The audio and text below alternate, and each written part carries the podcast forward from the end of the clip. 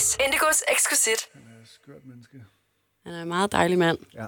ikke? Han er, han er dejlig. ja. Og det er den arnbitter også. Jeg tror aldrig, jeg har smagt arnbitter. Det smager rigtig forfærdeligt. Ja. Er det Ja. ikke sådan noget ligesom, øh, hvad hedder det, øh, øh, det der yoghurt, øh, hvad fanden hedder det, Fanta Branca, eller Jo, altså sådan, det smager som, det lugter ret meget sådan lidt af græn, føler jeg. de der shots. Jeg har aldrig nogensinde taget et shot, hvor jeg tænkte, det er fedt. Heller ikke, altså intet. Jeg kan jo rigtig godt lide tequila, for eksempel. Det synes jeg jo smager godt. Altså sådan, det er lækkert. Men der er jo en grund til, at det bliver er en ting. Jeg har aldrig haft en god oplevelse med tequila. Det må jeg bare sige. Men jeg har da været der. Men altså, det er også... Jeg er sådan en all-in psykopat, så jeg kommer bare til altid at tage shots på det forkerte tidspunkt. Ja. Det var sådan fedt, nu kører det, bang. Og det er jo der, man øh, skal lade være. Har min erfaring været. Men, Ja. øh, Jamen, det, det har min erfaring også ofte været, men det er som om, at så glemmer jeg det næste gang, jeg står og tænker, fedt, nu kører det. Og der Men der er nemlig connoisseur-shotsene. Folk, der kan finde ud af, fordi så er det jo lettere lige at dosere sin brænder. Okay, sådan lige et shot, du ved, mærke, bum, det kører, sådan, okay, lige bang. Men sådan, ja, du ved, så er det sådan, shots, du ved, og så slet ikke tænke over sådan, nu er det bare shots, ej, hvor fedt, jeg kan bare drikke syv shots. så det har været min øh, skamfulde rejse gennem øh, livet. Shotslivet. Ja. ja. Ej, men det er også, jeg har aldrig drukket snaps. Det er sådan for mig noget, jeg føler sådan lidt af flydende Ja. kokain eller Ja, et eller andet. Jeg Og bliver det- bange for, ja. altså det vil jeg ikke drikke. Også fordi det er sådan en frokostting. Mm. Altså, Ja. Men dagsdruk er også lidt uhyggeligt. Det, jeg i hvert fald, øh, men det er også efter børnene er kommet og sådan noget, så kan jeg jo ikke. Så er jo spændt, så er det kun, når vi er ude at spille, nærmest. Ja. I morgen skal jeg lige ud og fejre det med executive produceren på albumet, Lasse, hvor vi tager på MASH og drikker nogle drinks. Så jeg har fået lov til lige at være ude til, jeg tror klokken et, måske Okay. halv to. Men det er også øh, faktisk et godt, altså det er godt at have en bagkant der, fordi det er som regel der, det begynder at eskalere, Ja. synes jeg. Ikke? Ja. Så har man sådan nogenlunde Det er ordentligt det der brænder. med at komme hjem og hygge, og vi mødes tidligt, vi mødes klokken 6, og så, så er det jo, det er jo fedt. Jeg synes, hvad der sker fra, du ved, 1, 2 til 5, 6, altså, det er jo aldrig der. Det er aldrig, eller for mig i hvert fald, er det aldrig der. Men altså, Det er jo tit det, man har glemt, når man står op igen. ja, jamen, det er det. Det, ja. det plejer at være lidt, lidt ubehagelige ting, der sker. Det er, der, man er fuld. det er derfor, det er, godt, at, altså, det er faktisk godt at have nogen, man skal hjem til klokken et. Ja, jamen, det er det, ikke? Forhåbentlig sover de. Jeg kan bare lige lægge mig, men øh, ja. Jamen, det er det. Har du øh, børn? Nej, det har jeg ikke. Ikke endnu. Ikke nu. Det skal jeg have på et tidspunkt, tænker Ja, jeg. men der er ikke nogen grund til at... Don't do it. Ej, jeg, Jeg har for- mange venner, der siger til mig, der lige har fået børn. Det er jo fedt, men du ved, det er lige de der første år der, det er bare tough shit.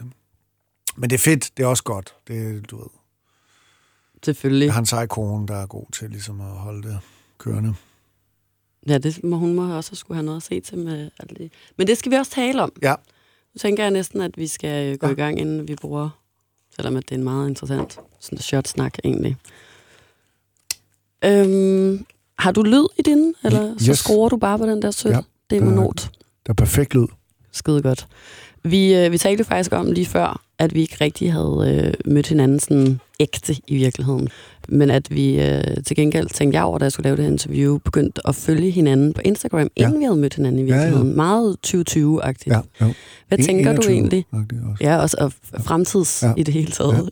Ja. Hvad tænker du egentlig om, øh, om den slags bekendtskaber? Det der med, at man sådan nærmest starter med at følge hinanden på de sociale medier, og bagefter møder hinanden i virkeligheden. Jeg synes, det er det, er det bedste ved øh, Instagram og de sociale medier. Instagram er, er der, jeg ligesom er. Men øh, det synes jeg virkelig er dejligt, fordi så kan man ligesom sondere terrænet og se, når, hvad laver hvad laver du? du ved, hvad, hvad sker der derovre? Og det er sådan en ufarlig og logistisk nem måde at sidde derhjemme i øh, sweatpants og, øh, og netværk er et grimt ord, men ligesom finde ud af, sådan, om hvad er det der sådan, de sjove lommer. Jeg er meget sådan, hvor er der sjove lommer henne i livet. Så det kan jeg godt lide. Der er også nogle bekendtskaber, jeg kun har der, hvor jeg føler, at vi har en tæt relation. Altså mærkeligt. Mm. Startede også ud med at give dig et knus nu, fordi jeg følte ligesom, at jeg kendte dig.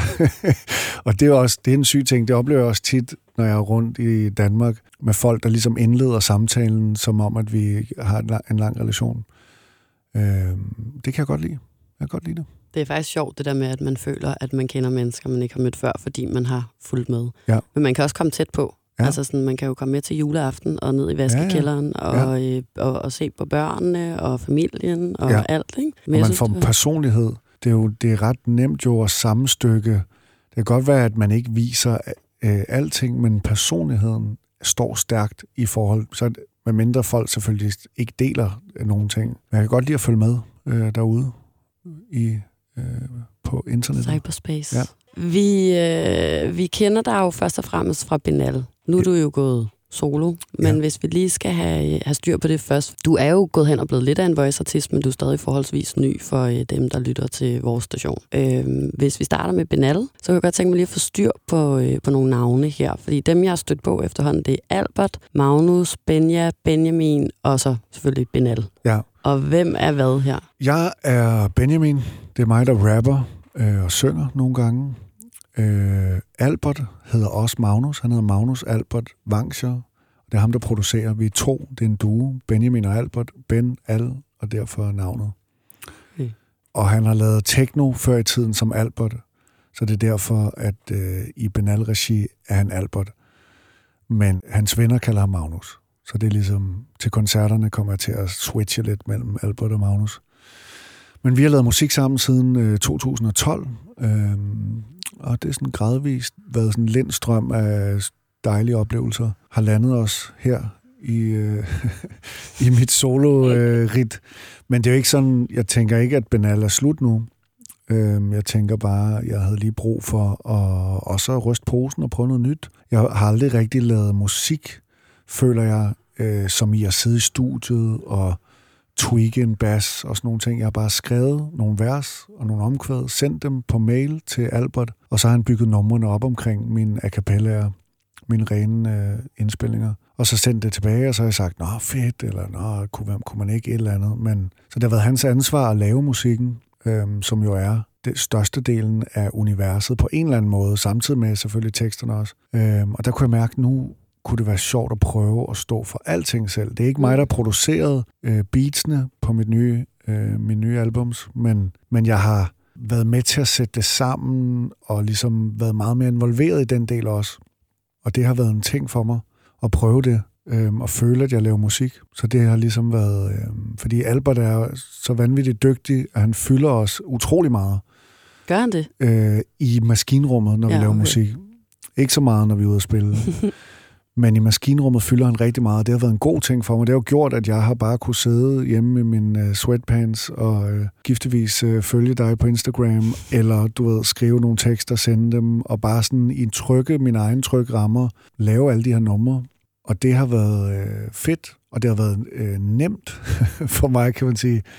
Men det er også dejligt at prøve selv at se, hvad, hvad nu hvis jeg selv skulle samle beats for mange forskellige mennesker, hvad, hvad vil jeg så skrive over, og hvordan vil jeg skære numrene, og jeg begyndte at skrive øh, melodier og øh, omkvæd selv meget mere nu. Jeg synger meget mere på de nye øh, albums her. Så det har været meget sådan en udviklende rejse for mig, og jeg føler, at jeg lige trådt ind i et nyt rum, og er fuld gang med, med de næste ting og så videre. Men Benalla er på ingen måde slut. Det er bare sådan lige et sted, hvor jeg kan udvikle mig og prøve at, øhm, prøve at lave musik for første gang. Hvad vil du sige, at forskellen på at lave musik som Benjamin Hav, og fors- eller det har du faktisk, på en eller anden måde har du lige besvaret det spørgsmål ret meget. Jamen det med ansvaret, Ja. at have ansvaret selv, og selv stå med fra start til slut, så har jeg arbejdet meget sammen med en gut, der hedder Lasse Sørensen, som er executive producer på albumsene, som har indspillet mig og hjulpet mig. Vi har sammen ligesom sat tingene sammen, og det har været sådan en lejende proces, som jeg aldrig har prøvet før. Så det har været, det har været sjovt at stå med det hele selv. Øhm, så alt skammen og al øh, opturen har været ligesom helt ren ufiltreret. Der har kun været mig til at gribe den, og Lasse også. Lasse kan dukke sig Mm. på de dårlige ting og rejse sig på de gode. Men, øhm, så det er hele forskellen, og det tror jeg også, jeg vil tage med mig til, når vi laver det næste Banana-album på et tidspunkt. Øhm, Jeg tænkte Ja. nemlig også, om, om du ikke følte dig bange, eller sådan, at hvornår gik det op for dig første gang, at du havde lyst til at gå solo, for eksempel, og prøve de her ting af, og var det ikke en uhyggelig følelse på en eller anden måde? Det, øh, det var nytåret mellem 18 øh, og 19, så cirka et år siden. Øhm, jamen, jeg tror, jeg er, jeg er dum nok til ligesom ikke at øh, tænke det på den måde. Jeg tænkte bare sådan, det kunne være sjovt. Det er sådan, jeg har navigeret sådan mit liv de sidste syv års tid, er, hvis det føles sjovt, og hvis der er et eller andet, en lomme, der kan være spændende at dykke ind i, og et univers, der kalder på mig. Jeg tænker meget på sådan noget med magneter. Jeg føler, at jeg bliver suget ind i et univers. Så giver jeg efter, og så er det, så er det, det jeg prøver. Så jeg har tænkt, at hvis, øh, hvis det gik godt, så vil det være fedt, og hvis det gik dårligt, så øh, laver jeg noget andet. Så laver jeg en spillefilm, eller et eller andet. Eller tigger mig til et job på The Voice, eller et eller andet. Der er jo mange ting, man kan lave, mange sjove ting. Og jeg har været heldig at have succes, og folk, der godt kan lide de ting, vi laver. Nogle mennesker kan lide det, nogle kan ikke. Men hvis man er så syg i sit sind, det der med at stille sig op på en mælkekasse og sige, se mig, jeg har lavet den her tegning, er den ikke flot? Så tænker jeg, så bliver jeg også nødt til at anerkende, øh, hvis der er nogen, der ikke kan lide det, ikke? Men det er du ikke bange for? Eller sådan øhm, bange for den der sådan jamen, skam, der følger med der, for eksempel, som du har selv Jeg har ikke reflekteret over det, som at jeg er bange for det, men det er måske også, fordi jeg har været heldig, at det er gået godt. Og hvis det bliver taget fra mig på et tidspunkt, så kan det godt være, at jeg... Øhm, men jeg er ikke bange for, at det bliver taget fra mig, men jeg, skal ikke love, jeg kan ikke love, at jeg ikke græder, hvis, hvis det bliver taget fra mig.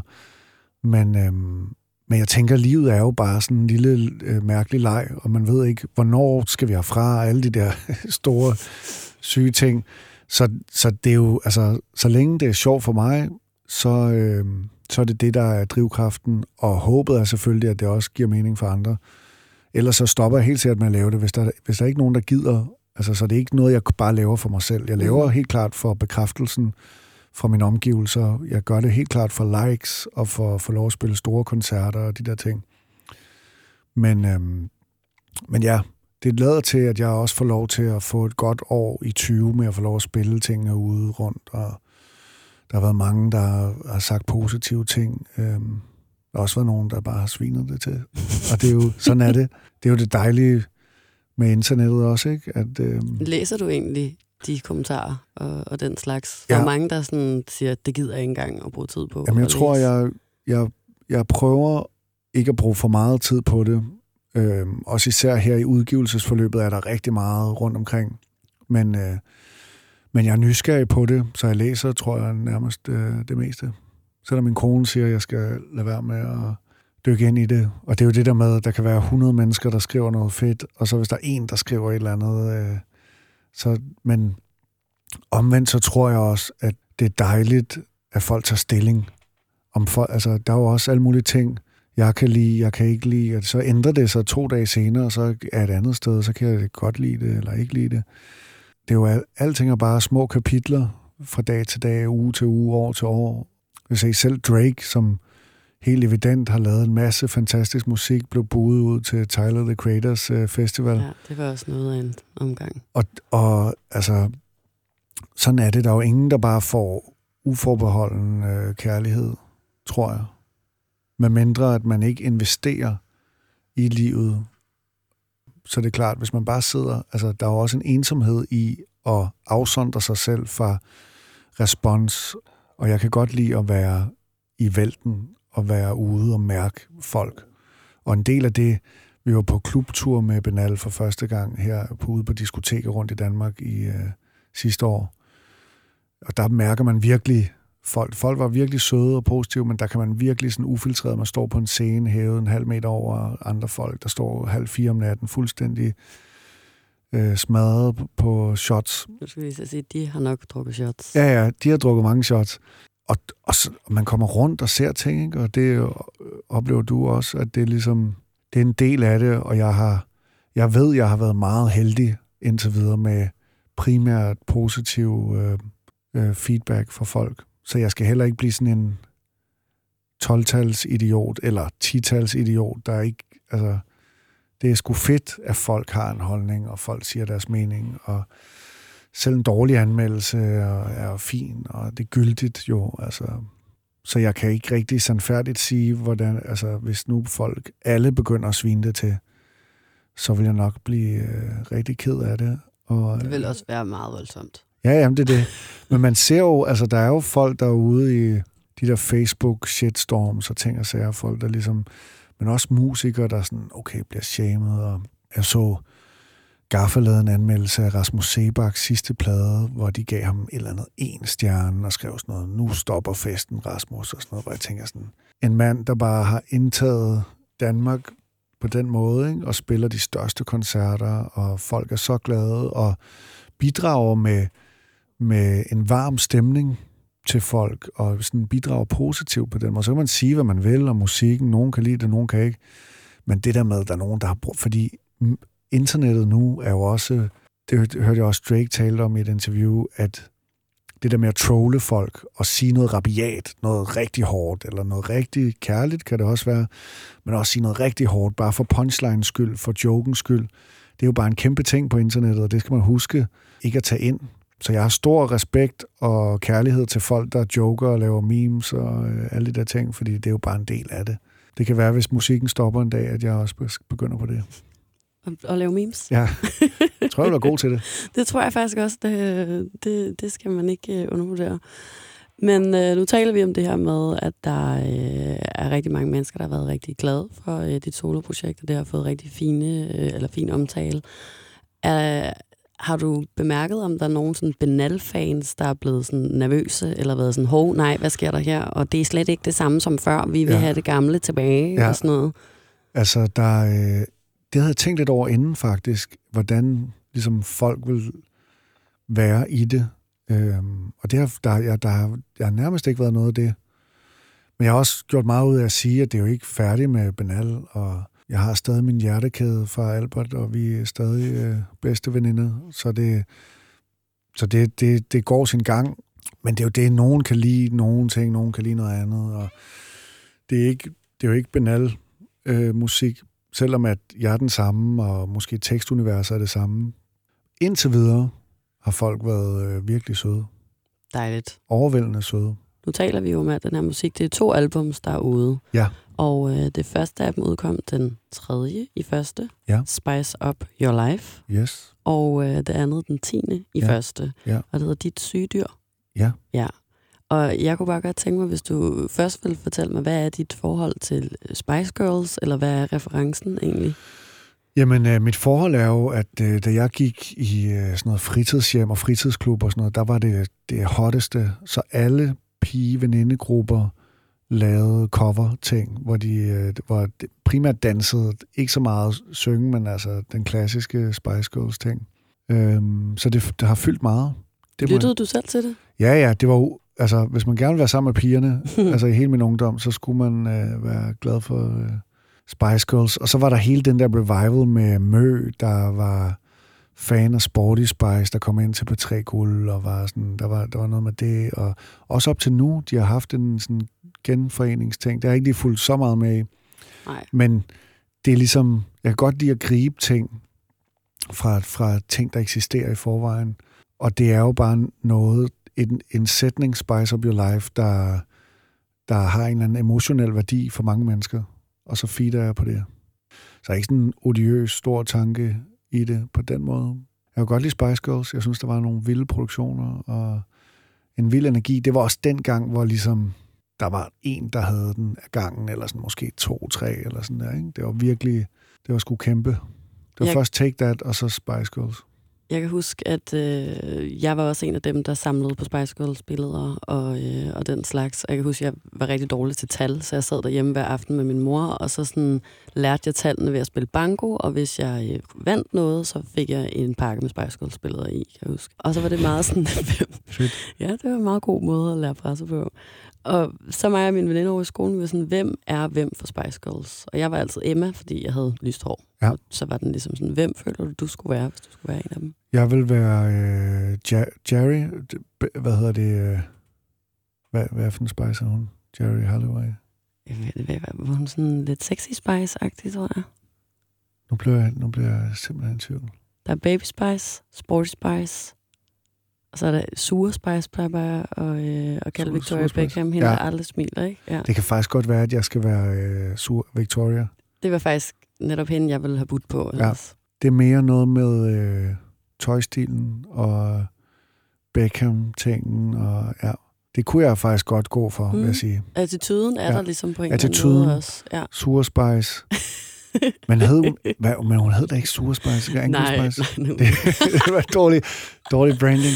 Angry Spice. Jeg kan faktisk ikke huske, hvad de andre hed. Det er skamfuldt. Det burde jeg jo simpelthen have styr på. Ja, men det føler jeg også, at jeg burde, særligt når jeg spørger dig, så Ja, burde ja. jeg jo komme her med en ramse. Ja, med kortene Ja, også og sådan noget. ja. Ja. Det, øh, det beklager jeg også. Men, men lad os øh, blive enige om, at du er Victoria Beckham. Ja. I hvert fald, hvis Tak. du skal være en Spice Det er jeg Girl. glad for. Og øh, så er der øh, dit syge dyr albumet.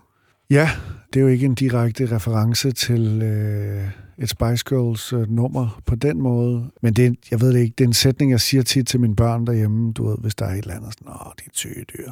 Det, Og så tænkte jeg det der med at udgive to albums på en uge, at der er nogen, der vil shame det og sige sådan, Nå, hvad er det for noget? Men jeg kan godt lide sætningen, og jeg bruger det positivt og negativt, alt efter øh, hvem du siger det til. hvem jeg siger til, og hvordan turneringen ligger. Ja, det, er også, det kan jo også være dit syge dyr som noget øh, negativt. Det kan også være, at man omtaler en persons øh, syge hund. Altså dit, dit syge dyr, ligger herovre på sofaen. Og det kan også være dine børn. Det kan også være mine børn. Ja. Mest af alt er det nok øh, mine børn, der jeg lige tænker på i den sætning. Albummet handler ikke så meget om mine børn, men øh, det er jo livet er et sygt sted jo. Ja. Altså, og det er, en, det er en grim leg, det er en sjov leg, men det er også en, øh, en syg leg. Og der er mange syge dyr øh, derude, også i min umiddelbare øh, nærhed, både på rundt omkring på scenerne og festivalerne. Og, Og vi skal faktisk tale lidt om senere festivaler lige nu. Ja. Øh, det skal handle lidt om koncerter. I har lige afsluttet Benal Amazing Tour 2019. Ja. Og, øh, tak det fordi du øh, kalder det amazing. Det er så Amazing, ja. Ja. Det blev lidt lagt i munden på mig, kan Ja. man sige. Nå, Men jeg, ja, ja. øh, Men jeg fornemmer, at det også øh, kom fra et godt sted. det gjorde det. Det kom direkte fra mit hjerte, og øh, jeg har ikke selv været inde og se de koncerter. Det Nej, kan jeg lige så godt Det er sige. skamfuldt. Det er nemlig Det rigtig, håber vi må lave om på nu dårligt. til fremtiden. Og det lover jeg dig for, at vi nok skal. Til gengæld, så øh, var der en masse mennesker i min omgangskreds, der var inde og se det. Der var Ja. ja. på mine stories så mange øh, videoer derindefra, at jeg faktisk på en måde føler, at jeg godt kan Ja. ja. tillade mig at sige amazing Ja, tour, ja. fordi det så amazing ud i hvert fald. Ikke? Tak. Og øh, de er også blevet rost rigtig meget, både i øh, folkemunden og også øh, anmeldere og den slags. Og nu kan jeg godt tænke mig at høre, hvordan du selv vil beskrive de tre koncerter. Jamen, øh, ja, de tre koncerter, vi sluttede med i Vega i København, Du må også godt beskrive hele turen. Ja, ja, nej, men det var lidt nogle tre specielle, øh, fordi jeg vidste jo, og Albert vidste, at det ville være det sidste i et stykke tid med Benal, fordi øh, at nu skal jeg ud og spille øh, min egen ting. Så på den måde fyldte det meget på vores hold, sådan internt. Og så var der, vi havde en masse gæster med inde, og det var specielt, og ja, der skete mange mærkelige ting. Der var en, jeg blev hejst op i en wire, og vi havde danser med en øh, super dygtig danser, og det var i det hele taget bare sådan, jeg kan godt lide Vega. Det skulle et dejligt sted. Tidligere på året havde vi spillet i KB Hallen, som også er et dejligt sted, og der havde vi aldrig spillet før. Øhm, og det er jo tre gange så stort som Vega, og jeg havde tænkt ligesom, okay, større og bedre og vildere. Men på en eller anden måde, energien i Vega er bare usammenlignelig med andre steder, synes jeg, fordi det er lige tilpas stort til, at der er sådan psykopatisk energi, men også sådan lidt småt og intimt, så man Mm. kan se alle folk, og vi plejer at bygge en catwalk ud i publikum, så jeg kan stille mig ud, og jeg kan kigge nærmest alle mennesker i øjnene. Og det er bare et dejligt sted. Jeg elsker, øh, jeg elsker Vega. Får du egentlig øjenkontakt med nogen, altså sådan, når du optræder? Masser, ja, hele tiden. Nogle gange glemmer jeg teksten, fordi Ja, jeg jeg, føler, at der sker noget sygt i øjnene på en eller anden. Det kan være det der, dit syge dyr kommer fra. Men øh, ja, jeg prøver at være meget sådan i rummet. Men altså, jeg er jo også øh, pumpet op på adrenalin, så det er sådan... Mille, min kone, har sendt mig nogle øh, videoer fra forskellige steder, hvor jeg har meget syge øjne og kigger.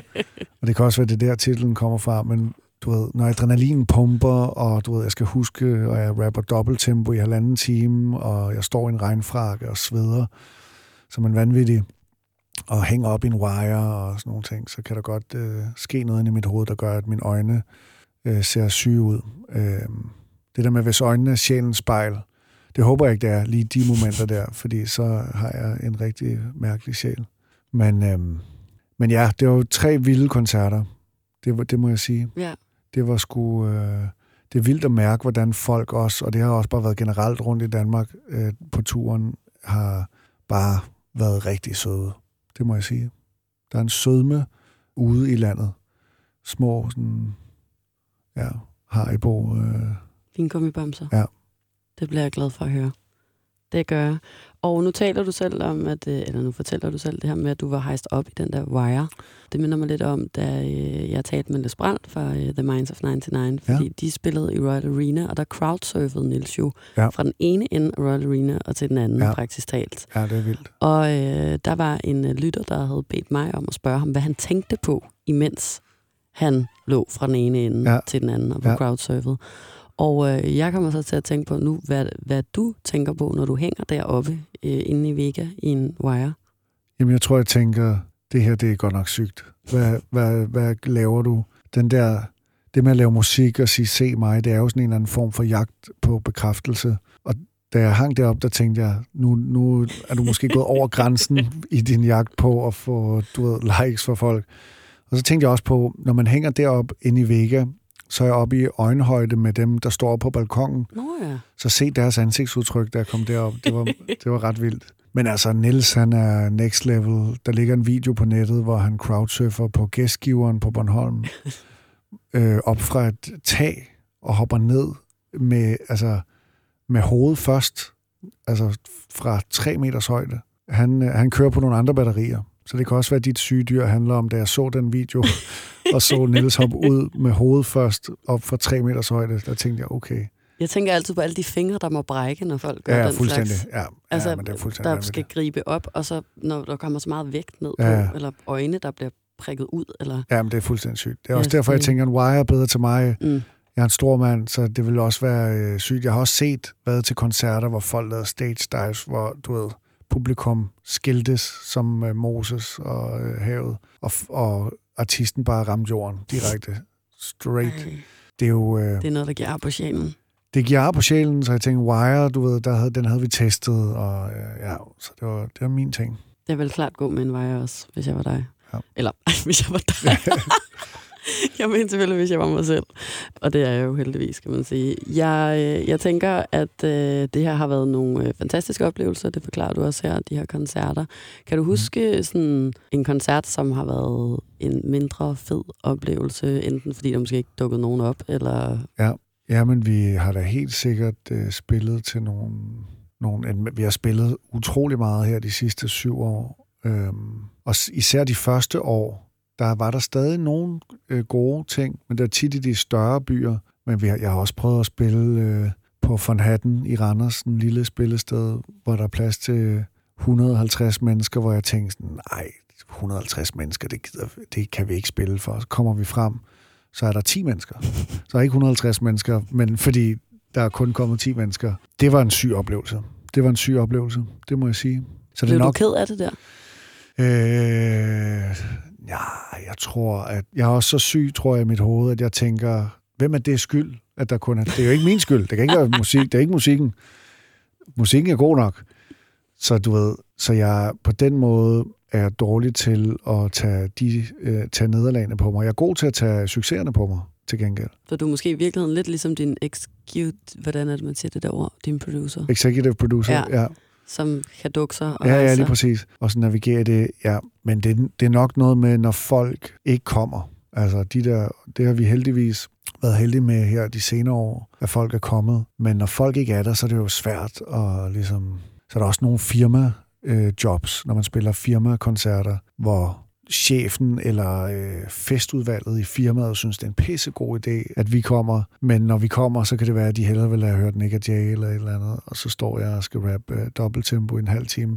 Så heldigvis har vi et par numre, som altid gør et eller andet ved folk. Men det kan godt være hårde 25 minutter op til de numre der. Men de sidste par år har det været øh, meget heldigt. Mine andre venner, der også laver musik, og måske ikke har ramt den samme sådan folkelige platform, som vi har. Altså, der er jo også bare... Broen rundt i Danmark er jo øh, skrinlagt med skamfulde oplevelser. Hvis ikke, at man lige har den, ikke? Og det er også et hårdt sted jo. Altså, folk er hurtige til at shame hinanden, og der har vi været utrolig heldige. Så man kan sige, skulle der være en mærkelig oplevelse i hister her, så ser jeg det som Drake, tror jeg kaldte det, en kærkommende øh, yd, ydmyghedsoplevelse. Det er sådan, jeg prøver at sige det til mig selv. Men altså igen, hvis der kom en masse af de der ting, så kan jeg ikke sige, hvordan jeg vil reagere. Så vil jeg nok øh, begynde at græde og tage ud til Vestjylland øh, og bosætte mig der. Hvorfor Vestjylland? Mine forældre kommer fra Vestjylland. Ah, Der er, der er mere ro. Der er ikke så mange mennesker. Nej. Det kan også være New Zealand.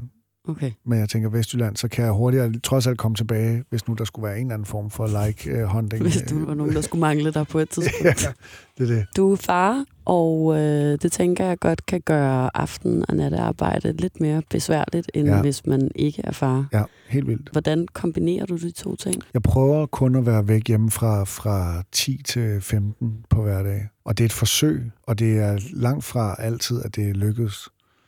Men det prøver jeg, og der er en masse, ligesom i min optik, ligegyldige møder og ting og sager og forventninger om, at man deltager i alle mulige ting, som jeg prøver at holde mig fra.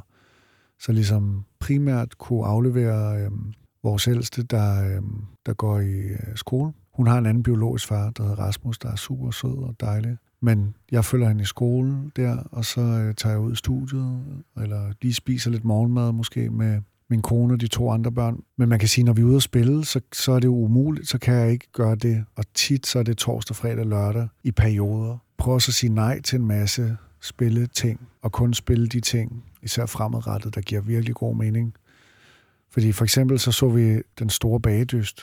Det var sådan en ting, vi havde sammen Mm. der så vi, tror jeg, fire-fem afsnit. Og så, øhm, men så skulle jeg lige pludselig ud og spille, og så var der sådan fire lørdage, hvor, hvor vi ikke kunne se det sammen, og det var en stor sorg for mig, og vi facetimede, og de sad og så det derhjemme, og så videre. Så det er en stor sorg på en eller anden måde. Samtidig med, at det er jo fuldstændig fantastisk at få lov til at spille de her ting, men det, det er ligesom den dårligste ting ved det, er, at det er på en eller anden måde uforenligt. Altså det med ungerne fylder 100 procent, og jeg er der rigtig meget og elsker det, så jeg kunne bruge al min tid der. Men, og det samme med musikken, det fylder også 100 procent. Og de, de skal deles om 100 procent, og det er umuligt. Så de skændes og slås, og så der er meget øh, ja, konflikt imellem de to verdener. Og det tror jeg altid vil være sådan. Selv hvis jeg kommer til at spille mindre og prøve ligesom at kun dyrke alle de allervigtigste ting, så vil der jo stadig være hele skabelsen af ny musik og så videre. Også idéerne kommer øh, jo heller ikke nødvendigvis 10 til 15. Så det har gjort også at tage på hotel nogle gange øh, rundt i København og lige sådan have to-tre dage eller tage ud og rejse. Og, men, men det der fravær fra det normale familieliv, det er helt klart lidt en sorg. Men så når vi har været ude at spille her på Amazing Tour, så har jeg holdt hverdagene fri og taget mm. ungerne ligesom den ældste ud af skolen, og så har vi hygget sammen i hverdagen, sådan mandag til torsdag, hygget, tage på museum og bare gå rundt, og så væk i weekenden. Men det er stadig jo umuligt at få til at gå op på en nobel måde.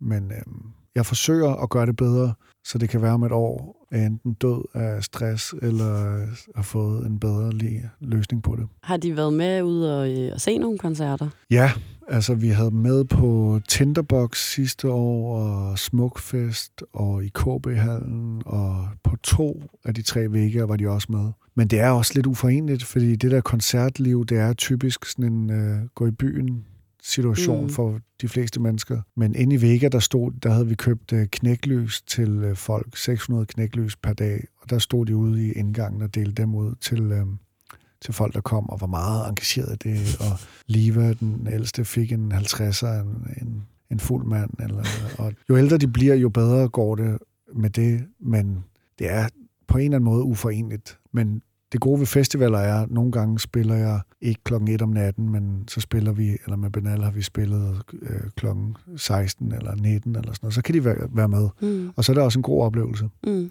Så det vil jeg rigtig gerne meget mere. Jeg så, da vi spillede på Roskilde i 18, Mhm. mm. der spillede øh, Minds også på orange scene, og Niels gæstede også, og vi hang lidt ud bagefter. Der så jeg, at han havde taget sin, øh, sin dreng med der. Og det synes jeg var jo inspirerende at se, hvordan ligesom, fordi det er altid det der med os backstage, så er der altid, der er jo der er fri bar backstage. Det er, jo, det er jo et vanvittigt arbejde at have at hver gang du ruller ud, så er der fri bar. Altså det er jo nærmest en af de eneste professioner, der er tilbage i Danmark. I gamle dage var det jo normalt, også i fagforeninger alle steder, og også sikkert her, at du ved, folk var øh, halvstive allerede kl. 11 om formiddagen. Så, men, så der er altid nogen med, nogle hangarounds og nogle forskellige folk, der ligesom, okay, fedt, så er folk bare, du ved, stive kl. 19, hvilket er fint, du ved, det vil jeg da også helt sikkert selv være, hvis jeg bare var ude og hygge mig. Men så det er sådan lidt en speciel ting, øvelse at have ungerne med mm. på den måde. Jeg tænker, næste sæson her i 20, der vil jeg, øh, der har jeg drømt om at tage en auto, altså rulle ud i en autocamper. Jeg har et band også. Jeg skal spille med et band. Det har jeg ikke sagt til nogen, men det skal jeg. Øhm, og det er et ret stort band, så jeg tænker, så kan de køre med, der, med, en, med en, der kører dem, og så kan jeg køre alene i sådan en autocamper, og så have børnene med nogle gange, og sådan, så har vi vores eget lille sådan, hule-ting. Fordi det er ikke alle backstage-steder rundt i Danmark, der er lige fedt. Altså either way. Så man kan ligge, du ved, have en seng og et eller andet, og høre en podcast og sådan noget. det vil, kunne jeg godt tænke mig. Det lyder som en god plan, synes jeg. Ja. Autocamper, de kan også noget. Ja, min hvad hedder det, produktmand på mit bookingbureau, Lasse, han øh, sagde det Peter Belli, sidst han havde hørt om det, og der er sådan en stor joke kørende med, at, at jeg er blevet gammel. Men altså, det, det er bare en ting. Altså, hvis man er ude, meget ud at spille, det ved øh, folk, så, altså, så det der med at kunne tage sin eget tal, ligesom gør det til. Der er jo nogle fede autocamper derude. Ja, altså, det er virkelig, der. Nede i Tyskland kan man lege nogle helt vanvittige autocamper. Jeg har aldrig dyrket, jeg har aldrig været i hverken sådan en campingvogn eller autocamper, øhm, men jeg har set på DK4 er der sådan en campingprogram med en eller anden, der hedder Anne Vibeke, tror jeg. Anne Vibeke Rejser. Meget inspirerende program, kan jeg anbefale. Og der fik jeg ideen. Lige have sådan en seng, stille og roligt, du ved. Kunne høre noget musik, bare være sig selv, og så lige inden man skal spille, sådan en halv time inden, så lige komme ud. Lige gå ud, og så få tilbage til de vilde øjne. Ja, ja. de syge øjne. Ja. øhm, nu nævnte du lige det her med band. Ja. Du skal have band med, når du skal spille. Jamen, jeg tænkte for at gøre noget nyt. Jeg har altid øh, synes det var spændende øh, at gå og prøve kræfter med det. Men vi har aldrig haft det i banalregi, fordi det var meget sådan på den måde gjort. Og det var ligesom Albert, der har været bandet og stået og tweaked øh, tingene i Ableton. Nu tænker jeg for at gøre noget nyt, og også for ligesom at ja, prøve noget helt andet, så samle et stort syvmands øh, band. Så vi skal i gang med at øve snart. Og øh, det glæder mig meget til. Jeg har prøvet at spille med baner, jeg har gæstet andre, Suspekt eller Flake eller Alex Varg, altså alle mulige forskellige folk. Og følelsen af at stå med et band i ryggen er bare sådan, det kan virkelig et eller andet. Så jeg tænker at give det et seriøst skud med det. Skal du gøre noget anderledes, tænker du? Jeg skal, jeg skal synge meget mere nu. Øhm, så en del af bandet er også noget kor, og jeg tænker også at dyrke hele kordelen mere. Måske have nogle one-off-koncerter, hvor det bliver sådan helt øh, stort kor måske, og dyrke, ligesom prøve en masse forskellige ting med sådan vokalarrangementerne. Men jeg bør da gøre noget andet, øh, også sådan rent øh, performancemæssigt. Det tror jeg helt sikkert. Jeg har en masse idéer. Vi har puttet nogle, har puttet nogle videoer ud, hvor vi har øh, 12 mennesker. Nogen vil kalde dem disciple. Det gør jeg ikke af frygt for vor herre. Men 12 mennesker i øh, det samme tøj. Måske vil jeg prøve at dyrke det univers også lidt, og have nogle af dem med øh, ude. Jeg overvejer at tage dem med i dag, faktisk. Men øh, det, det måske også være mærkeligt. Min første øh, tur på The Voice. Men øh, næste gang tager jeg med. Men ja, prøv en masse ting af. Jeg elsker at spille live. Det er ligesom der, numrene kommer ud i virkeligheden. Mm. Og jeg, jeg føler på en eller anden måde ikke, jeg er færdig med albummet, skabelsen af albummet, før at jeg har prøvet det af live. Og numre, jeg kunne være glad for, men ikke virker live, så, så mister jeg lidt gnisten med de numre, eller hvis numre, jeg var lidt ligeglad med på en eller anden måde, hvis det virker live, så bliver jeg rigtig glad for dem. Har du eksempler på det? Har der været nogle? Ja, men øh, et nummer, som både øh, Albert og jeg var rigtig glade for, der vi kaldte for Transition, tilbage på et af vores øh, EP'er, helt til at starte med. Rigtig glad for det nummer. Fedt, fedt, fedt. Men det virkede ikke, og der var alle folk pisselig glade med det. Nærmest folk havde det bare. Øhm, så det stoppede vi med at spille, og så, okay, så, så er jeg også sådan lidt den dårlige ven, der tænker, når populariteten øh, falder, så okay, så udfaser vi relationen øh, gradvist. Og det er jo også dårlig stil. Det kunne også være, at jeg skulle være mere Bob dylan og bare holde på det. Men der er bare en energi i det der med at se numre virke live, og, og koncerter er sådan en stor del af, af, af mit barometer for, hvornår øh, jeg har det sjovt. Så det, har, det glæder jeg mig så meget til nu jeg sådan, det kribler i mig for at komme i gang med at øve og se, hvad virker live, og det glæder mig virkelig meget til. Jeg ved, det er et kæmpe bjerg, jeg står foran nu, mm. så det kan godt være, at jeg skal bruge en wire også til det. Til at hjælpe lidt på Men altså, det, det bliver bare spændende. Og der er nogle gode ting. Der er nogle, jeg får lov til at spille nogle gode festivaler og mine egne koncerter. Og der, der er en god stemning i mit øh, lille hjerte nu. Og førhen har det været en, go- et godt parameter for den der lystbetonede legesyge til at prøve at skabe et eller andet, der kan blive til en god koncert. Men, men det kan også være, at det bare bliver et flystyrt. Men så er det jo, så, du ved, så er det ligesom, så har jeg prøvet det. Så har du prøvet det af. Ja. Så har du i hvert fald stadig Benal. Du kan gå tilbage til. så er jeg for det. Det vil Albert sikkert øh, sætte pris på. Han er travlt jo med alle mulige ting, så jeg tror, han er glad for lige at slippe for mig i en, øh, i en sæson eller En to. stund, Ja. Ja.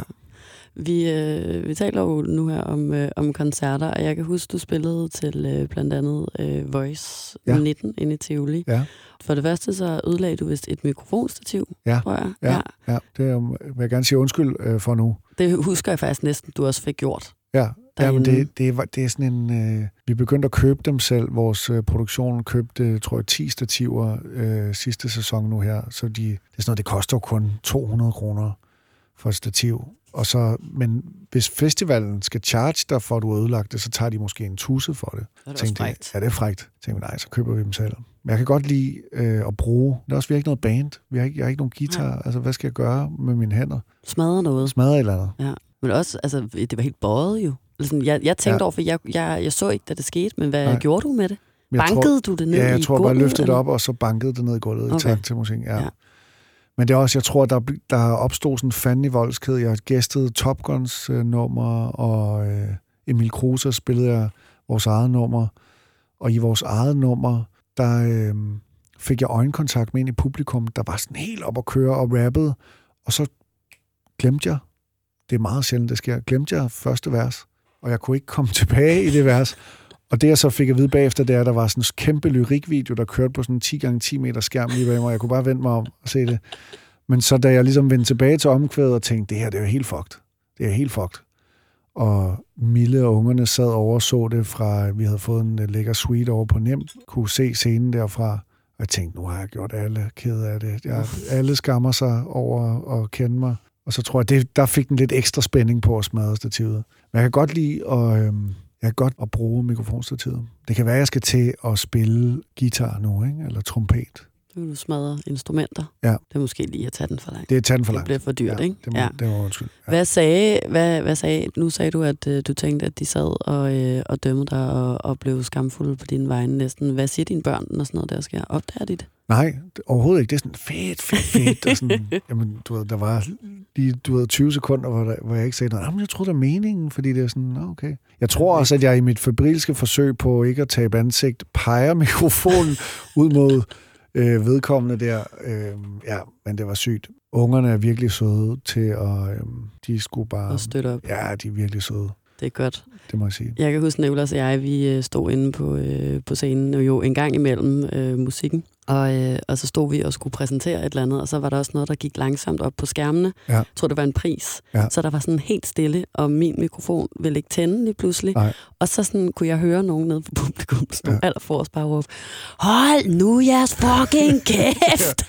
og der kan jeg bare se, Nicolas, han, han får sådan noget nervøst udslæt, Ja. ja. når han bliver øh, Ja. ja. Ja, nervøs. Ikke? Ja. Og han blev bare helt spættet op Ja. ja. af halsen og på hovedet. Og jeg stod bare, hvem sagde det? Og Ja. var bare ved at hoppe ned sådan, ja. Og, og gå amok. Der tabte vi også begge to fuldstændig mailet, Ja. mens vi bare stod deroppe. folk er syge. Altså, det var godt nok også øh, ubehageligt. Men det er altså. ligesom med internettet. Folk tænker, de gemmer sig i mængden, og så derfor kan man øh, sige alting. Og det er jo et ret spændende fænomen, fordi altså, det er jo ikke, det handler ikke om jer. Det, er, det handler om at sige et eller andet, der er sjovt, eller du ved, jeg har drukket tre øl, så nu tør jeg at sige et eller andet sjovt, eller du ved, jeg sidder hjemme på sofaen, så du ved, det er gratis for mig. Jeg synes, det er meget interessant, hvordan folk agerer i forskellige... Øh, ligesom, øh, jeg har lige fået kørekort for et år siden, så ret nyt, tak. Men at se, hvordan folk sådan road rage øh, ting. Jeg har set alt på YouTube, så jeg, jeg har også set alle, road, der ligger så mange road rage øh, videoer på YouTube. Hvordan folk reagerer også nu, når jeg selv har kørekort, hvordan folk reagerer i trafikken. Og sådan, går helt amok, når de sidder inde i den der lille kabine. Men hvis man så holder ind til siden, og du ved, spørger folk, om hvad handler det om, og man stiger ud, så er folk jo helt anderledes uden, uden for deres bil, og det er jo bare en forskel på 30 cm. Det er sjovt. Den menneskelige psyke er, er det kan være, det er der, hvor dit syge dyr Jeg skulle til at sige, Ja. det passer meget perfekt. Og det gælder mig selv jo på præcis samme måde. Jeg kan jo sige en masse syge ting. Men, Når du øhm, kører bil? Ja, ja, både også når jeg kører bil, men, øhm, men det er det der med, øh, man, folk tænker ikke over, at det, at hvad impact det kan have. Ikke? Altså, jeg kender folk, der bliver meget, er blevet utrolig ked af det over ting, de har læst på nettet, der er skrevet om dem. Og jeg er sikker på, at øh, afsenderne har ikke haft den samme tyngde i deres følelsesliv på af. Det har bare været sådan, nå, haha, det, det er sjovt. Og det er jo ret vildt, fordi hvis de så mødtes og havde en eller anden dyb samtale omkring øh, et eller andet, så alle folk er jo bløde inde i, som tøger, de skulle sige. Ikke? Så Nej, den er god, den sang. ja, den er så god. Jeg synes, det er sjovt. Det er sgu sjovt at se. Jeg kan godt tage en bred side øh, latterliggørelse og had. Øhm, jeg synes, det er sjovt at se. Ja, jeg synes også, det er sjovt, og så er det også lidt voldsomt nogle Ja, gange. og ikke? t- ekstremt ubehageligt, men også min egen reaktion på det, sådan, når jeg reflekterer over det bagefter, det er på en eller anden måde sjovt. Fordi jeg er, især som barn, var jeg jo utrolig skrøbelig. Altså, jeg vil rigtig gerne gøre det gode og gøre det rigtige hele tiden. Øhm, og øh, den har jeg siddende i mig stadig. Så det er klart, hvis der er nogen, der ligesom bliver sure på mig, eller synes, jeg er en lort, så fylder det jo noget i mig. Men det er også det, jeg synes er spændende, hvorfor, at, hvorfor det er sådan. Kan det være lidt trættende, hvis man... Altså, fordi der må jo ofte være nogen, der synes, man er en lort. Ja, ja. Eller, altså, Især nogen, jo, der, jo længere man stikker hovedet op, og pladeselskabet, de sponsorerer nogle af de her øh, opslag, vi laver på Facebook med musikvideoer og sådan noget, for ligesom at få skabt en større reach. Og det vil sige, at det kommer bliver presset ned i halsen på nogle mennesker, der ikke har bedt om at få det. Og det er klart, eller du ved, inde på EB, øh, ej. øh, Nationen og de der ting. nationen, det er et meget voldsomt sted. Altså det er sådan, det, det er ret vildt at se, så jeg har helt klart fundet ud af, at hvis jeg skal have det her job, så må jeg tage det sure med det søde. Og så tænker jeg også, at øh, jeg kan huske, jeg var inde og tjekke med Dina lavede et opslag på et tidspunkt for et år siden, hvor jeg var bare lige inde og kigge. Og altså, hun får primært søde ting, men der var også bare nogle folk, der skrev nogle grove ting, hvor jeg tænkte sådan, altså på et eller andet totalt nobel, varmt, kærligt øh, opslag, jeg tænker sådan, hold da op, altså det, sådan er det nok bare at stikke øh, hovedet op, ikke? Altså, prins Henrik, godt eksempel. Mm. Der er mange gode eksempler. Jeg husker, min mor hun sagde til mig, da jeg var lille, der var nogen, der generede mig over i SFO'en, at det var mere synd for dem, end det var for mig. Det er det, og det er jo i sandhed øh, rigtigt. Og jeg hørte, øh, ja, man skulle tro, jeg kun har hørt Drake øh, interviews, men Drake sagde noget med, at han har en 75-timers regel for, når han læser sådan nogle store ting om sig selv på nettet. Og du ved, den første, og hvor han ikke responderer på det i 75 timer, bare lige sådan lad det synke ind. Og første dag er det hårdt, anden dag er det også ah, lidt hårdt, og så tredje dag, okay, det er fint, du ved, det er fint. Og det er ikke altid, jeg ligesom, men jeg prøver. Jeg gør mit bedste for at være et øh, ydmygt og gladt menneske. Mm. Men altså, jeg kan også godt blive frustreret og hissig. Man skal heller ikke lade sig rive med af al den dårligdom, som folk de gerne vil sprede. Nej, det er det. Det er det. Man skal Og jeg, bare... jo- især også, når man har været så heldig, som vi to, og lave noget, der er fedt, og folk er glade og søde, som primært. Og nu for lige at vende tilbage til det, vi talte om, det var nemlig Voice-koncerten, og nogle af de, øh, som du selv måske vil sige, det syge ting, du kan finde på at sige en gang imellem. Ja. Fordi så sagde du også øh, noget, eller lav noget larm for Casey, Ja. som hverken var på scenen, Ja. eller på vej på scenen, Ja. eller noget som helst. Der stod en masse glade voice Ja. lyttere, Ja. og tænkte, yes, Men jeg tænkte, det ville være noget, der faldt i god jord derinde, ikke? Men jeg sagde ikke, Casey kommer. Jeg sagde bare, lav noget larm for Casey. Og måske, måske pegede jeg, eller lavede sådan med hånden gestus over mod der, hvor han kunne have stået, hvis det var. Ja. Det er noget, jeg har gjort meget rundt omkring, når vi har været ude at spille. Alle, jeg tror, jeg har nævnt øh, Gud og hver mand rundt omkring. Nogle gange siger jeg, at vi hedder Savers eller Dyné. Eller... Men det er også, jeg kan godt lide at bare sådan være til stede og sige, hvad der lige falder mig ind. Jeg har aldrig sådan tænkt over det. Så lige hvad der falder mig ind. Jeg talte med Casey om det siden, og han er sød som altid. han blev ikke sur. Han blev ikke sur. Nej.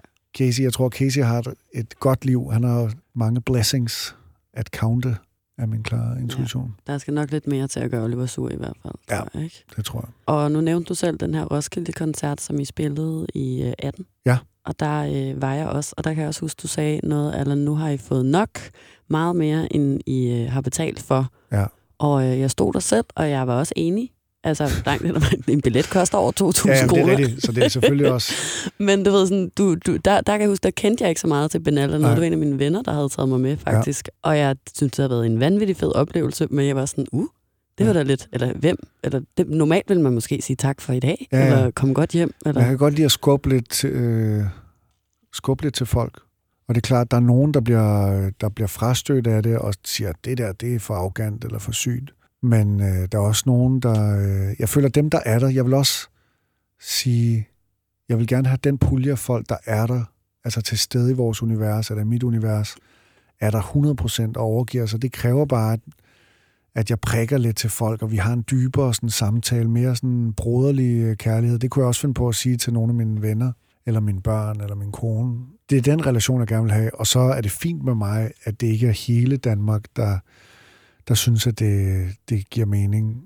På Smukfest sagde jeg noget med, at vi havde, nu havde vi leveret i henhold til kontrakten, og det var kun kontrakten, der gjorde, at jeg havde lyst til at være der. Og, sådan. og så kan man se rigtig mange mennesker sådan, ja, fedt, fedt. Og så er der også nogen, der tænker, altså vi spillede på Musik i Lejet for et par år siden, hvor en, en journalist, der hedder Ditte Giese, fra politikken dengang arbejdede der, der skrev sådan noget med, og Benjamin svinede sit publikum, og de andre optrædende, og jeg råbte et eller andet med, at vi havde fået 2500 kroner for at spille, og et eller andet skørt. Og det er jo sådan, nogen er tætte, nogen er ikke. Men jeg kan godt, jeg, altså det er jo, ja, at have et venskabeligt, varmt bånd til lytteren. Men får man et venskabeligt bånd af at sige den slags? Det, det, det, Snyde folk med Casey kommer og... øh, man kan sige, lige der var jeg på scenen i så kort tid, og relationen var så kortvarig og så ny for så meget. Jeg tror, der er mange til Voice, der ikke anede, hvem jeg var. Så man kan sige, det kunne være en, en start point til at øh, forordet til den bog, der hedder Den gode relation. Men, men ja, jeg føler generelt set, min erfaring er, jo mere, at øh, vi prikker til hinanden og er i det sammen, du ved. Det er lidt ligesom, hvis jeg siger til min, altså, den jargon, jeg kan have med mine venner og med mine unger, i stedet for det hele er så Emma Gade og sådan, nå, og, øh, tusind tak, jeg elsker, altså sådan, fordi folk, der kender mig er i universet, og måske set flere koncerter, ved godt, at jeg er øh, taknemmelig, eller sådan. Jeg tænker, at det der med tillid, at for at være fed sammen, så skal man have tillid til folks intentioner. Sådan er det både i parforhold eller venskabsforhold, men også sådan på scenen. Så jeg, jeg, jeg lukrerer på og håber på, at der er en masse tillid fra majoriteten af de folk, i hvert fald dem, der er i universet sådan helt, til hvad end jeg siger, så er det ikke fordi, at jeg øh, ikke kan lide folk, eller sådan, så er det bare sådan, vi er i det sammen. Og jeg kan godt lide, at der er en fanden i voldsked i universet, frem for at det ligesom bliver for øh, meget det samme som alle mulige andre ting. Det har været min tanke i det, men det er også bare noget, der kommer til mig. Så siger jeg det. Jeg er sådan, hvis, det hvis, hvis det er for lang tid i mit hoved, så bliver jeg nødt til at sige det. Det er jo sådan en form for øh, lidelse på en eller anden måde, jeg har. Så helt klart, det har været, der er nogen, der virkelig ikke er til det, og nogen, der tænker, det er fedt, men øhm, det kan være, jeg skal arbejde. Det kan være, jeg skal lægge det fra mig her i 2020, og være med og sådan, Emma Gad ja, Emma Gade og sige ja. tusind tak, og eller Sure Spice. det kan være, det er det nye punk. Altså det tænker jeg, det er jo bare på en eller anden måde at, at være altså sådan helt straight ren i det. Det er også ting med nogle af omkvæden og nogle af de her ting. For mig, hvis jeg synger, jeg elsker dig på et nummer, så er det for mig at se det ypperste psykopatiske ting at sige på en eller anden måde, fordi det er så rent, hvor nogle andre mennesker vil sikkert synes, at det var meget udvandet og, og ikke punket. Det mest punkede vil jo være på en eller anden måde i mit univers at købe en kælervase og sætte den ned i studiet på en eller anden måde. Det vil for mig at se være det ypperste punk, jeg kunne gøre overhovedet. Så det kan være, at vi skal have kælervaser med til øh, koncerterne nu. Ja, det er dem, vi skal dele ud i stedet for knækløs. Ja. ja. Du behøver ikke tage en med til mig. Okay. Jeg, jeg tror ikke, jeg helt, men jeg kan godt lidt forstå ideen, ja. faktisk. Eller sådan det, du siger. Tror jeg, i hvert fald. Øhm, og nu taler, du om det her med, øh, hvad du synger, synger, for eksempel, øh, jeg elsker dig, eller Ja. ja. den slags. Det handler lidt om, øh, om teksterne nu. Fordi mange, når jeg for eksempel har sagt, at jeg skulle tale med dig, har været sådan, de er jo sindssygt, og det er også nogle vanvittige tekster. Jeg vil gerne høre om, hvad han overhovedet synger om nogle gange, fordi mm. det kan være så abstrakt og den mm. slags, ikke? Og nogle gange synes jeg også, hvis man lytter, øh, særligt det nye album Spice Up Your Life, jeg har lyttet til ja. mest af de to, ja. der synes jeg også, at det næsten kan blive så enkelt, at det bliver abstrakt på ja. en eller anden måde. Ikke? Ja. Hvad vil du gerne med, med, med dine tekster? Øhm, jeg vil gerne have likes, penge og likes, af mm. sådan den umiddelbare og øh, drift og kælervaser. Men jeg vil også gerne øh, etablere en, en fuldfed samtale med lytteren, selvfølgelig kan man argumentere for, det meste mig, der taler i samtalen, men jeg vil gerne etablere et univers, hvor jeg kan sige, hvad jeg vil. Så det er egentlig bare at lukke folk ind i mit univers og lave universet så fuldfedt som muligt. Og så kan det godt være, at væggene er lidt skæve og mærkelige, og der er nogle rum, hvor man siger, hvorfor er det her rum der? Hvorfor, hvorfor har du en, øh, en sauna øh, ved, ved køkkenet eller et eller andet? Men bare sådan, jeg, jeg, det er sådan, de, jeg, man kan sige, det er ikke så meget lineære fortællinger, øh, som det er bare sådan små brudstykker af følelser. Og det er sådan, jeg, jeg, jeg føler lidt, at mit univers er sådan en skildring af relationer. Relation mellem mand og kvinde, mand og mand, mor og barn, kvinde, kvinde, øh, far og hund, eller du ved, bare sådan alle mulige forskellige typer relationer. Og det er et univers, jeg befinder mig godt i. Så det er ikke nødvendigvis sådan konkrete oplevelser for dit eget liv. Nej, men det, og også det, men også mere sådan forestillingen om, hvordan man, han eller hende har det, øh, når de går igennem det, og ting, jeg hører i radioen. Eller. Så det er sådan en samsurium af, af følelser. Der er også, jeg er også, der er mange, der har skrevet til mig, øh, at det er meget sådan melankolsk, og der er nogle anmeldelser, der skriver det, som om det er sådan break-up-album, øh, jeg har lavet. Og det øh, synes min kone selvfølgelig er lidt mærkeligt, fordi vi er i et, et ret øh, harmonisk og lykkeligt øh, ægteskab. Men det er jo bare sådan følelser, altså selv, altså, der er jo ikke noget, der, der er sort-hvidt, og jeg kan være glad, sur, glad, sur, øh, rasende, melankolsk, alle de samme følelser fordelt på i princippet 25 minutter i løb, altså, så det skifter så utrolig meget, og det er sådan, jeg gerne vil have mine numre også er. Så der er ikke noget, der er sådan entydig øh, øh, varm-koldt på den måde. Og det er sådan også, det bare er blevet, fordi at det er sådan tilfældighedernes spil på en eller anden måde. Det kunne være, at jeg skulle på det næste album, jeg er i gang med nu, øh, tage mig sammen og skrive nogle øh, klare fortællinger om, du ved, Tommy, han var lige ved at blive sindssyg, og, og så videre, og så videre.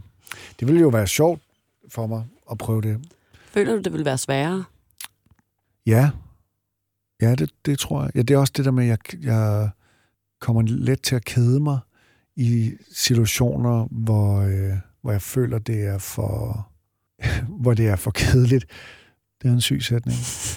Ja, så det er mest af alt det der med, jeg kan godt lide, det skifter lidt, og der er, du ved, så er vi på Grønland, men så lige pludselig, så er vi øh, i Tivoli, og lave de der rabiate skift. Men det kan man jo også gøre med en historie. Så jeg, jeg bør jo at tage mig sammen fremadrettet. Kan jeg godt mærke. Hvorfor?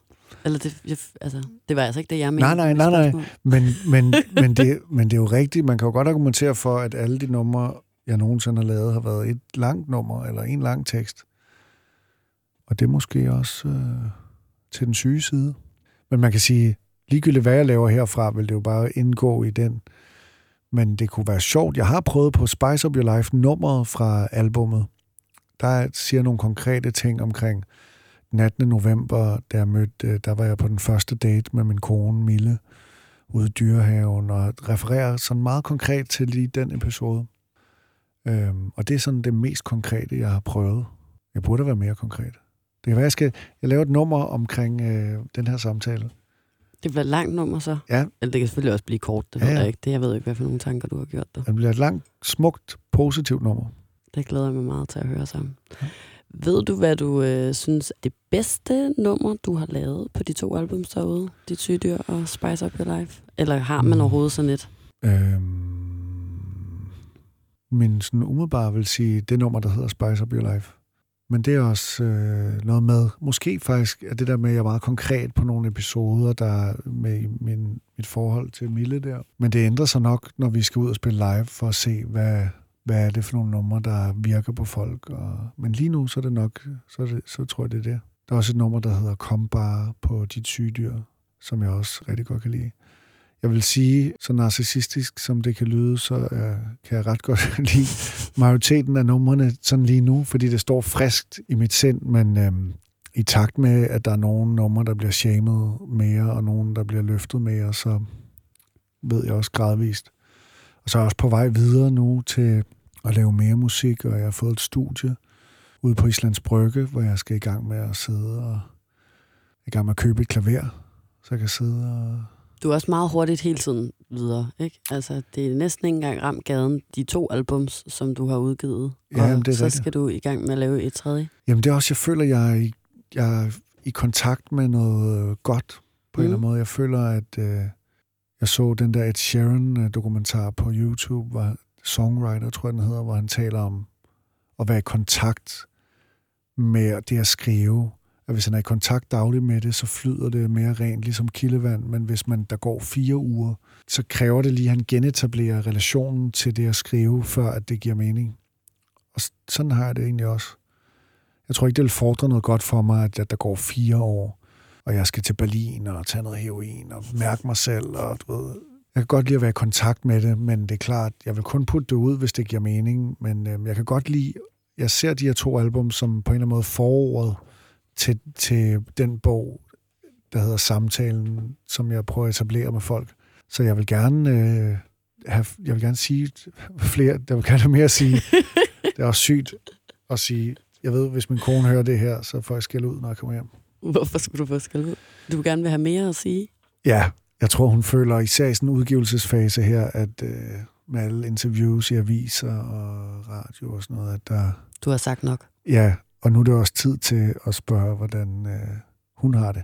Det gør jeg også, øh, det gør jeg også tit, ikke? Men ja, jeg kan godt forstå hende. Ja. Det fylder meget. Det kunne jeg godt forestille mig, Ja. faktisk. Hun må være meget sej. Hun er så jeg. sej. Ja. Det er nok også derfor, det er en ekstra god idé at være med at tage til Berlin og tage heroin nu. Ja, ja, det er det. Ikke? Jo. Bliv hjemme. Ja. Vi skal i gang med, hvad hedder det, noget, der hedder analysere din tekst. Ja. Og det er øh, et tidspunkt, hvor... Et tidspunkt, det er nu simpelthen.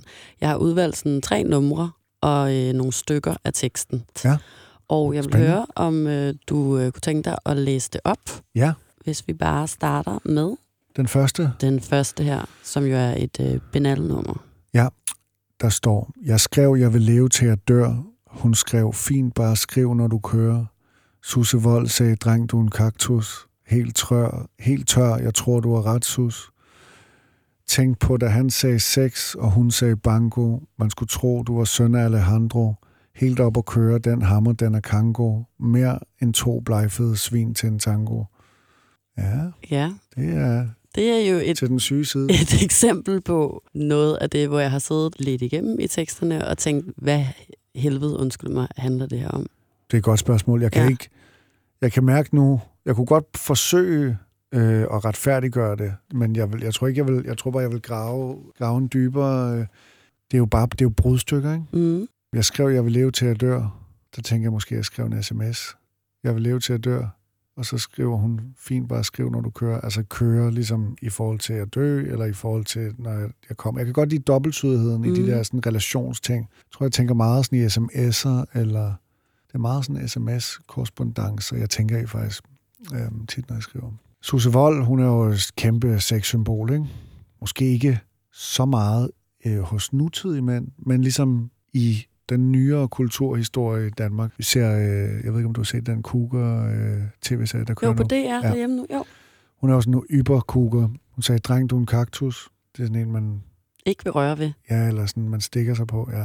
Okay. Ja, måske vil man bare ikke røre ved den, det er faktisk rigtigt.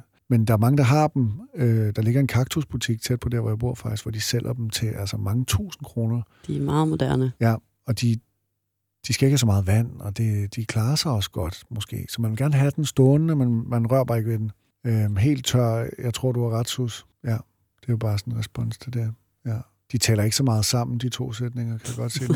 øh, øh, han sagde sex, hun sagde banko. Det er ligesom, yes, det er de enige om. Mm.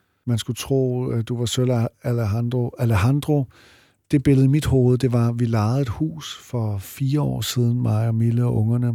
og havde vores, øh, mine svigerforældre, Milles forældre, med nede i det hus. Det var ejet af en mand, der hedder Alejandro, nede på et bjerg nede øh, ved Malaga. Og han var meget, han var sådan, oh, Alejandro. Han var virkelig en øh, sexet mand. Så det er ligesom det, jeg ligger i det. Man skulle tro, du var søn af Alejandro. Altså, det er øh, en sexet karakter, vi mm. øh, omtaler her.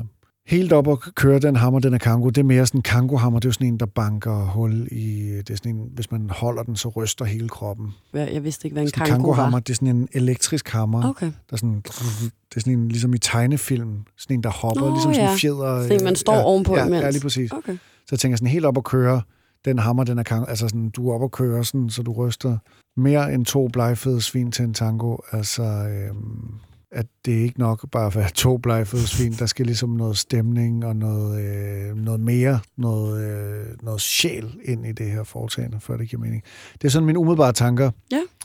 Det er sjovt, jeg har aldrig prøvet før at sidde og tale om mine egne tekster. Sådan der. Det er meget, det er meget sjovt. Det taler godt til min øh, narcissisme på en eller anden måde.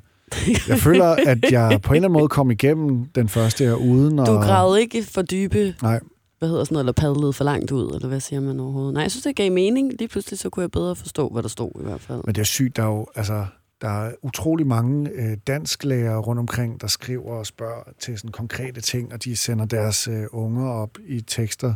Og sådan, jeg kan jo ikke, jeg kan jo ikke sidde og komme med et eller andet klogt, og, altså på en eller anden måde, ikke?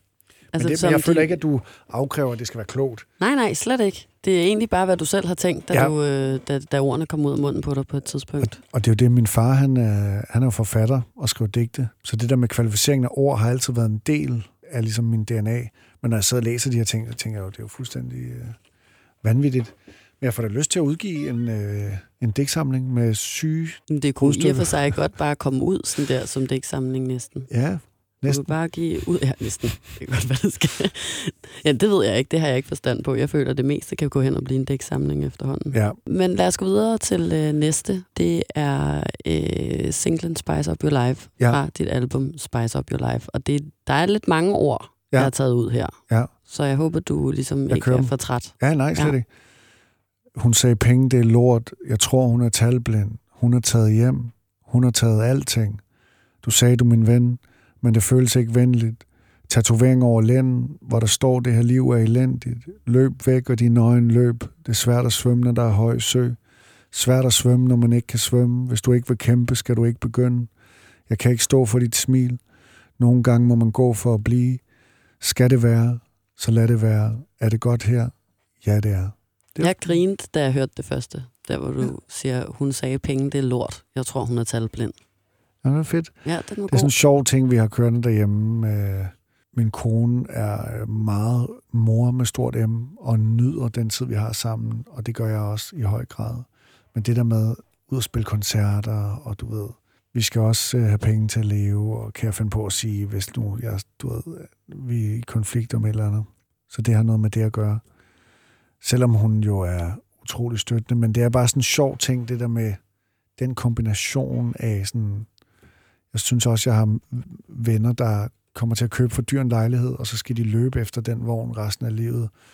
Og det der med penge kontra et godt liv og sådan noget, det er noget, jeg går meget op i.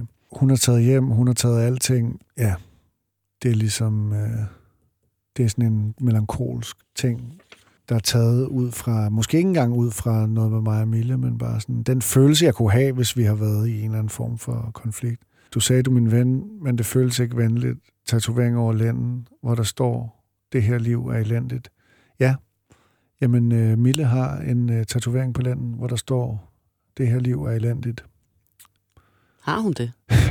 Nej, det har hun ikke. Nej, fordi sådan, det, her, det, Ja. det lyder som den sygeste tatovering, jeg Ja. nogensinde har hørt om i mit liv. Det er det. Hun er helt klart ikke, øh, hun har ikke nogen tatovering på lænden. Men det kunne hun jo få, tænker jeg. Nej, Det vil jo være virkelig, det vil måske være den ypperste kæler, og så en kælervase ved siden af. jeg synes, du skal lade Mille gå fri for Ja. den. Ja. Så hold dig til kælervasen. Ja, jamen, det er måske rigtigt. Jamen, så det er noget, jeg bare sådan griber ud. Det, altså igen, selv det her nummer, der er det mest konkrete nummer, er der jo bare grebet fra til højre og venstre. Så jeg skøjter altså videre her. Øhm, løb væk, og dine øjne løb, altså græd, da du løb. Svært at svømme, når der er høj sø. Svært at svømme, når man ikke kan svømme. Rapperen Englando fra øh, ude af kontrol dele det her citat. Det så jeg nemlig godt, ja. Hvor jeg blev nødt til at reddele det. Fordi det er klart, at øh, hvis man lige tager det ud af kontekst, svært at svømme, når man ikke kan svømme, men det er jo rigtigt. Det er jo måske Det er det mest sandt. rigtige. Fordi det der med at svømme, det man skal lige over den. Men når man har lært det, så er det jo nemt nok. Men, Kan du huske, da du lærte at svømme? Ja, ja, faktisk meget tydeligt. Mm. Øh, til min farmors øh, fødselsdag i en øh, pool i, på et hotel over i Jylland. Jeg var 26 år gammel, og det var, det var en fed oplevelse. Men det er noget med at overleve simpelthen. Ikke? Bare, jeg vil ikke dø her. Nej. Det var en syg situation. Skønt at dø i en pool ellers. Det er din farmors fødselsdag. Jamen, den er hård. Fik du ødelagt den fødselsdag ellers? Eller- det er det, ikke? Så det tager jeg fokus ikke. igen. Ja. Klassisk øh, Benjamin-situation. Jeg kan ikke stå for dit smil. Nogle gange må man gå for at blive. Det er bare det der med. I stedet for at skændes og så videre, så nogle gange er det bedre bare lige at tage 10 minutter. Skal det være? Lad det være. Er det godt her? Ja, det er. Ja. Så det er jo sådan, det er en positiv, selvom at i anmeldelser folk, der siger til mig, at det er meget sådan nogle melankol, split up ting og så videre, så det har jeg sjovt nok ikke aldrig tænkt det som. Der er jo både sådan positive og negative følelser i alle numrene, men jeg føler ikke, det er sådan en entydig break-up-ting. Sådan har jeg ikke tænkt det. Mm. Men hvis det er sådan, det bliver opfattet, så er det jo, det er jo så er det fint. Ja, det må folk jo selv Fuldstændig. lægge råd med. Jamen, det er det. Jeg tror også, i forhold til, hvordan, hvilke numre folk godt kan lide, og tekstbider folk dykker ind i osv., tror jeg også netop, at det har noget at gøre med, hvor man selv er i sit liv. Sådan er det i hvert fald, når jeg hører musik. Så er det jo, hvad jeg føler, det handler om. Sådan er det med, med de fleste ting i livet på Ja, en eller anden måde, ikke? at man opfatter det ud fra sit Ja. eget. Det er det, og hvis øh, da Mille var gravid øh, sidste gang her, følte hun alting, alle var gravide, og alting handlede om graviditet på Instagram og alle steder osv. Det er jo ikke, det handlede ikke mere med, om men det er klart, når man er i noget, så, Mm. og sådan har jeg det med alting. Så er der det, det er faktisk mit yndlingsnummer på, øh, på albumet, det her. Ja. Dit Ja. hjerte er rent. Ja, det er lidt en... Øh, Jeg synes, der er lidt Justin Bieber over det i starten jo. ja, ja, ja, musikken der, mm. ja, ja. ja. Jamen, det er en nobel øh, produktion fra øh, vores allesammens Hedegaard, som jo bor i Aalborg, Nå. men har studie i København, så han flyver frem og tilbage. Lange ture, han er ude meget på. øh, vanvittig øh, menneske og arbejdsliv, han øh, kører der. Men øh, dejlig menneske. Men der siger jeg her, jeg bliver nødt til at gå, jeg skal ud og lave penge, så du ked af det nu, ligger tuder på sengen, og du er bange for, at jeg går, det kan du ikke rigtig lide, for du elsker mig højt, det er sikkert at sige. Men jeg er der for dig, selvom det kunne være bedre, i en funklende bens, der er betrukket i læder. Det er jo det, du vil have. Jeg forstår det jo godt. Du tror, det kommer så let, men det er hårdt at være os. Og du græder igen. Du har mistet mig lidt. Så du hader mig nu. Synes ikke, at det er fedt. Jeg forstår dig jo godt, men du hader mig nu. Så du sender mig blik, der slår gader i to. Men du kender mig ikke, når jeg rigtig er god. Ja, det er også det er i sandhed sygt. Det er et værste, der var øh, over tre minutter. Det er jo fuldstændig vanvittigt det er ting at skrive. det. Det kan jeg helt klart ikke retfærdiggøre på nogen som helst måde, men, øhm, men det er sjovt. Det er sådan et af de numre, folk øh, har picket lidt op på. Jeg kan huske, det skrev jeg i en brændert ude på Clarion Hotellet ude i øh, Lufthavnen, Københavns Lufthavn. Der havde jeg sådan tre dage for et års tid siden. Og sådan lige der, hvor jeg følte sådan, nu kommer der ikke noget godt ud af at skrive mere, fordi nu, nu er jeg simpelthen øh, drukket mig fuld, imens jeg sad og skrev andre ting. Så sad jeg med, den er faktisk skrevet til, øh, ej det er sygt, det har jeg ikke sagt til nogen, den er skrevet til, øh, for Drakes sidste album må det være, har han lavet et nummer med, hvor Michael Jackson har brugt, øh, hvor han har brugt Michael Jackson ting. Det, der hedder Don't Matter to Me, eller sådan noget. Der fandt jeg sådan en taglig instrumental version af det nummer på YouTube, og så har jeg sk- skrevet hele det her vers over det, Over det? i, jeg sad i sådan en kæmpe brand. Ja. Det var sygt, det er en syg, det har været, det må have været, altså jeg håber ikke, at der var, der var kamera der, men øhm, det var helt mærkeligt. Det er, det, er ligesom, det er måske den tekstbid, der har været længst undervejs. Det er også en meget lang Ja. tekstbid. Meget lang, mærkelige ting. Jeg var inde og optræde med Alex Vargas i øh, Østergasværk til hans koncert her for et par uger siden, hvor jeg skulle lave noget. Så sendte jeg det her vers til ham. Sagde, han, jeg kunne også bare sige det. Han ville gerne have læst et digt op i stedet for at rappe. Og så vendte han tilbage efter noget tid. Nå, det er ret sygt det her, men du ved, jeg kunne egentlig godt tænke mig, at du... og så fandt vi på noget andet. Det er meget fint, men Ja, Jamen, det er et sygt nummer. Det har været... Øhm, at skulle høre det så mange gange, i forhold når man det skulle mixes og alle de der ting. Det er lidt et mærkeligt nummer, og det er også et nummer, Mille har haft svært ved at sluge, fordi der bliver sagt nogle syge ting omkring, mm. at jeg giver hende gaver, eller nogle gaver, jeg giver. Og der siger jeg jo, det er jo bare det er jo forestillinger, jeg har om, hvad mine venners kærester og deres relation går igennem. Mm. Og det kan jeg jo så sige, det er jo, det er jo, hvad der er sket inde i mit hoved, og der er ikke noget bevis for, at det her det er følelser, jeg har haft. Nej, nej. Så alle de gode ting, det handler om øh, mit forhold til Mille, og alle de dårlige ting handler om min venners forhold til deres kærester. Og det vidste jeg godt. Ja. ja det, det kan jeg sagtens. Det, det synes jeg, ja. ja. Nu er vi nået til det aller, aller sidste, og det er lige et par lytterspørgsmål. Ja, spændende. Og øh, vi kan starte ud her. Nogle af dem har du næsten været inde på helt af dig selv i løbet af, af den tid, vi har talt sammen. Ja. Men Lasse, han skriver sådan her.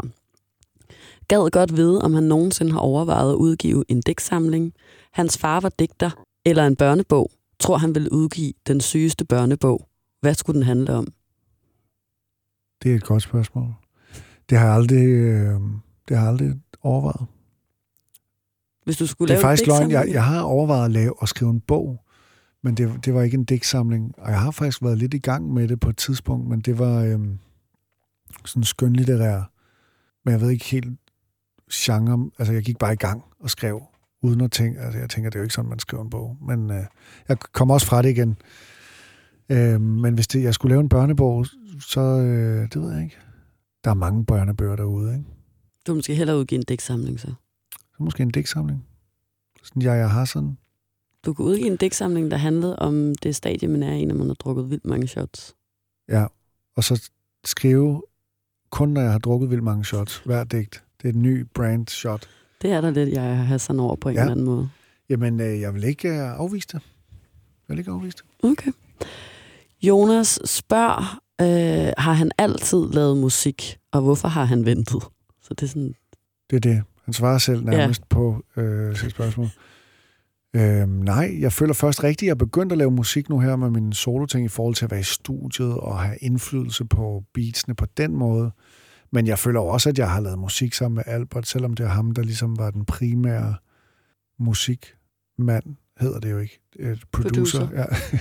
Musikmand er måske, eller kvinde er måske et sjovere Men øh, nej, jeg har været i gang med ham siden 12, og inden da har jeg også været sådan lidt i gang. Så dengang jeg røg meget has og var sådan fjollet rundt, men det blev ikke til noget. Det var sådan en dyne af dumhed.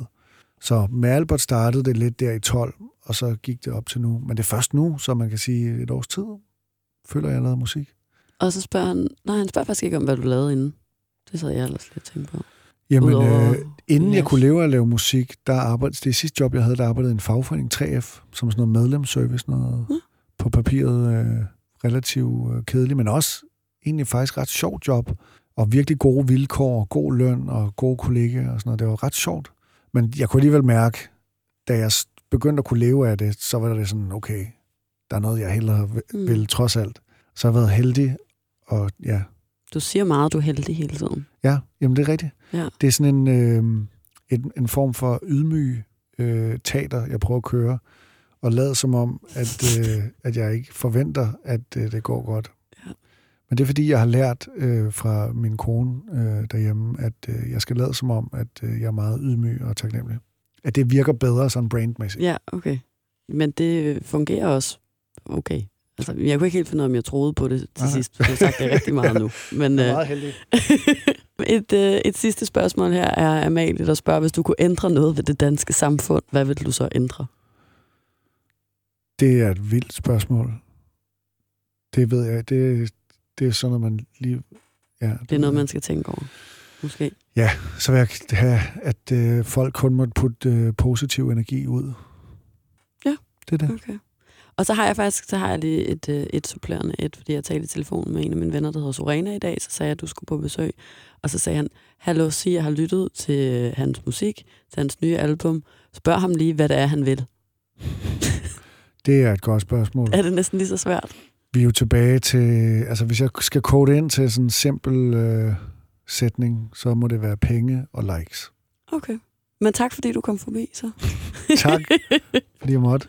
Det var meget, meget hyggeligt, synes jeg. Det synes jeg også. Indigos eksklusit med Sofia, The Voice.